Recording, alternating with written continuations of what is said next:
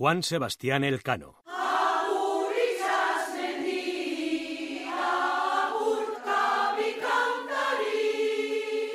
Biografía de un capitán.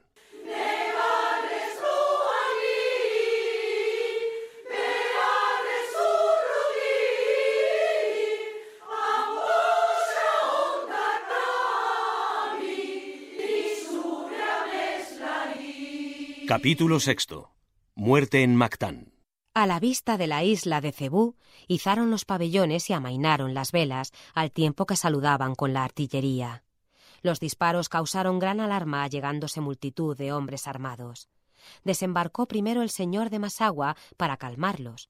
Les aseguró que los castellanos eran gente de paz que venían a comerciar. Cebú es una isla excelente y grande con cuyo rey, llamado Humabón, firmamos paz y amistad, Saltamos a tierra el día de Pascua de Resurrección de 1521. Su principal árbol son las palmas que dan cocos durante todo el año, y una vez secados al sol sirven como en España las castañas.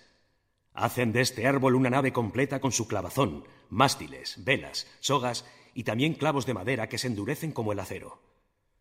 De las hojas de la palmera sacan paños para vestirse y papel para escribir. De la corteza del coco hacen tejas para las casas y vasos para comer y beber y con los fragmentos inútiles preparan buen carbón. En Cebú, después de pedir permiso, prepararon una ermita con ramas y trozos de vela y con los ornamentos sagrados que traían en la capitana, celebraron la misa. Asistieron los de Cebú con mucho respeto, pues entendían que era en honor a sus dioses. Tras el banquete que nos ofreció el rey de Cebú, se produjo la curación milagrosa de un pariente del rey. Entonces se bautizaron mil doscientos indios. Terminada la ceremonia, regalaron crucifijos e imágenes de la Virgen y del Niño Jesús a los recién bautizados. Particularmente hubo una figura que les admiró.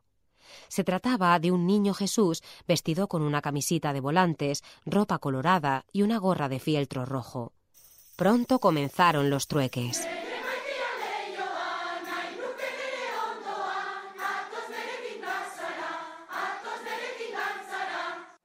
Los indios son grandes regateadores, y lo que más pedían eran tejidos y metales. Algunos hombres y mujeres traían sobre su persona más de mil ducados de oro en joyas, pero el capitán general advirtió que no demostrásemos codicia por el oro, para que no subieran el precio, arruinando el negocio antes de empezar. El cronista de la expedición, Antonio de Pigafetta, cuenta lo siguiente.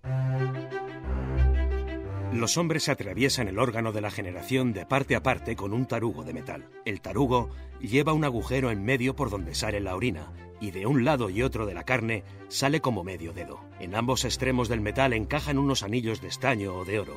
Esos anillos que rodean el órgano de los hombres tienen dos cabezas como las de nuestros clavos, y así les dan más placer a sus mujeres.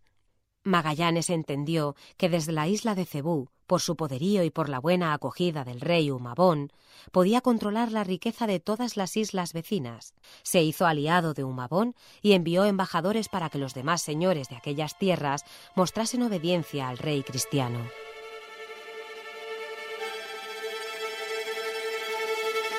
La isla de Mactán está muy cerca de Cebú. Lapu Lapu era el señor de Mactán y aunque estaba dispuesto a colaborar con los castellanos, de ninguna manera admitía someterse al de Cebú. Lapu Lapu devolvió a los embajadores, negándose a darles todo lo que pedían, y Magallanes se embraveció. Juan Sebastián lo explicó así. Había allí una isla vecina, llamada Mactán, cuyo rey era muy estimado por ser excelente en el arte de la guerra. Magallanes fue a guerrear y quemar las casas a la villa de Mactán para que su rey besase las manos al rey de Cebú, y porque no le enviaba una fanega de arroz y una cabra por tributo.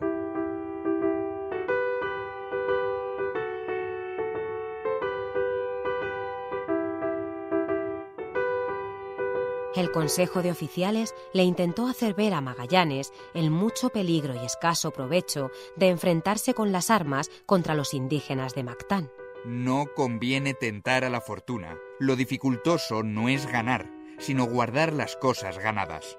Hemos de tratar la guerra con tiento, sin temeridades.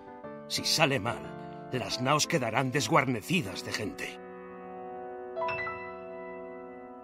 Magallanes meditó unos instantes. Quizás los oficiales creyeron haberle disuadido, pero el espíritu marcial del veterano soldado de la India le impelía a medir sus armas con quien osara retarle. Con más ánimo de soldado que prudencia de capitán, se levantó mientras pronunciaba las palabras que daban fin al consejo. Un buen pastor no debe abandonar a su rebaño. Bajamos a Mactán. La Santa Virgen nos protege. En la madrugada del 27 de abril de 1521, tres bateles cruzaron el estrecho canal que separa Cebú de Mactán. Era el día de la Virgen de Montserrat, por la que Magallanes sentía gran devoción y a su protección se confió. A causa de los arrecifes, cortantes como trozos de vidrio, los bateles no se pudieron acercar hasta la orilla. Cuarenta hombres saltaron al agua bajo el peso de sus armas, coseletes y corazas, mientras algunos quedaron vigilando los bateles. Llegados a la playa, se inició el combate. Los mosquetes atravesaban con sus disparos las delgadas tablas de los escudos de los indios, matando a muchos. No obstante, la pólvora no causaba el espanto que los soldados esperaban.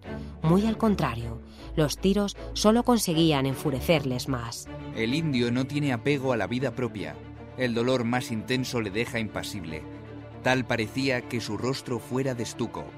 Juan Sebastián lo narró así.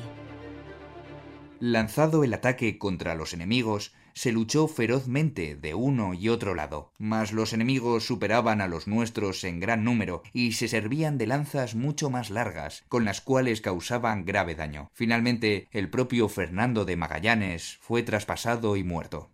Junto al capitán general cayeron otros siete hombres. Si los enemigos no se rinden antes de comenzar la pelea, tras la victoria, no se deja a nadie con vida, e inmediatamente les cortan las cabezas y las llevan a sus aldeas con lo que muestran su valentía. Es la usanza casi religión que no pueden quebrar. Tras la derrota, el sacerdote Pedro de Valderrama celebró en la Nao Trinidad la misa de difuntos.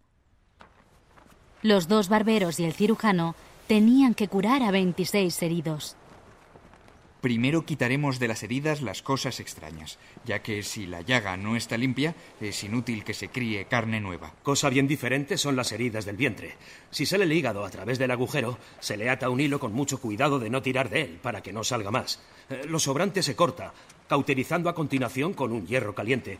Pero cuando el hígado está herido por el medio, la experiencia dicta que toda cura resulta inútil. Entusiasmados por la victoria, los más valientes guerreros del Lapu Lapu se hicieron tatuar en el cuerpo la prueba de su valor. Por esta costumbre, a aquel archipiélago lo llamaron pintados. Entre ellos es tenido por cobarde el que no se pinta, pues piensan que mal podrá sufrir las lanzas del enemigo el que no tiene ánimo para aguantar los alfileres del artista.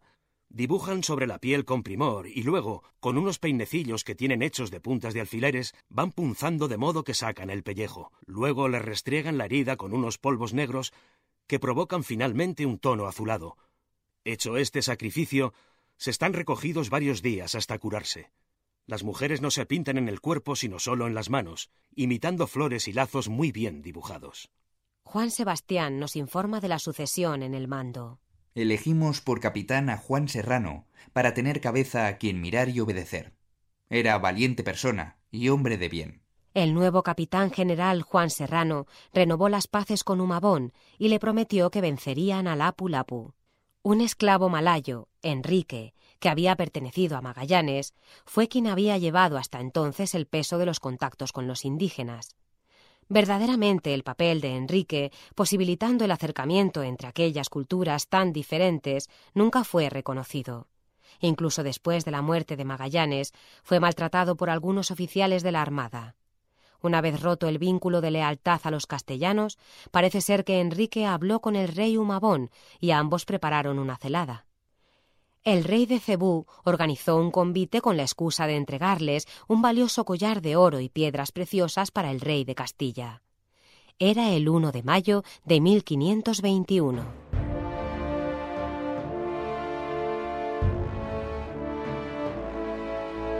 En mitad de la fiesta, los hombres de Humabón nos atacaron de improviso. Algunos logramos huir y los demás vendieron cara a su vida. El capitán general Juan Serrano fue capturado y bien atado, lo llevaron a la ribera desde donde llamó a sus compañeros. Con muchas lágrimas y dolorosas palabras, Serrano nos rogaba que tuviésemos compasión de él y que no le dejásemos en tan triste cautiverio. Gritaba que tuviésemos misericordia. El marinero Ginés de Mafra, que como Juan Sebastián fue testigo de lo ocurrido, explica que quisieron llegar a un acuerdo, mientras que los de Cebú dilataban la negociación. Temíamos una nueva traición, así que le dijimos a Serrano que quedase con Dios y que nos perdonase, y dimos a la vela.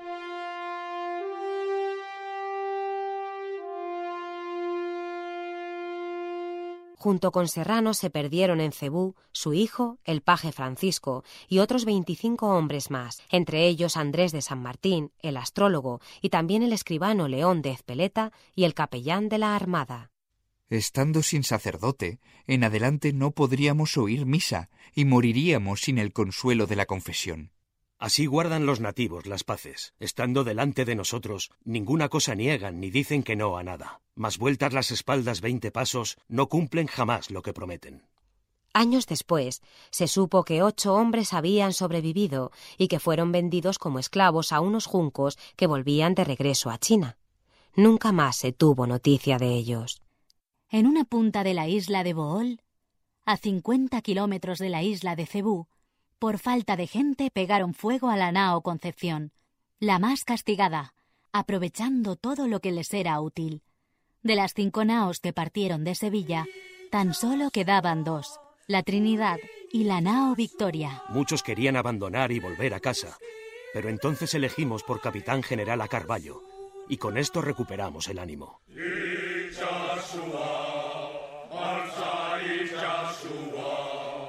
Desmadejada la expedición, los supervivientes supieron sobreponerse y se reorganizaron de nuevo para poder continuar la misión. Los mismos hombres que nombraron capitán general a Carvalho rehabilitaron a Juan Sebastián. Ginés de Mafra, marinero de la Trinidad. Hasta la muerte de Magallanes, Juan Sebastián había sufrido muchos castigos, pero él, como hombre de buen seso, lo aguantó todo hasta que retornó a su cargo. El 8 de julio de 1521 echaron el ancla frente a la principal ciudad de la gran isla de Borneo.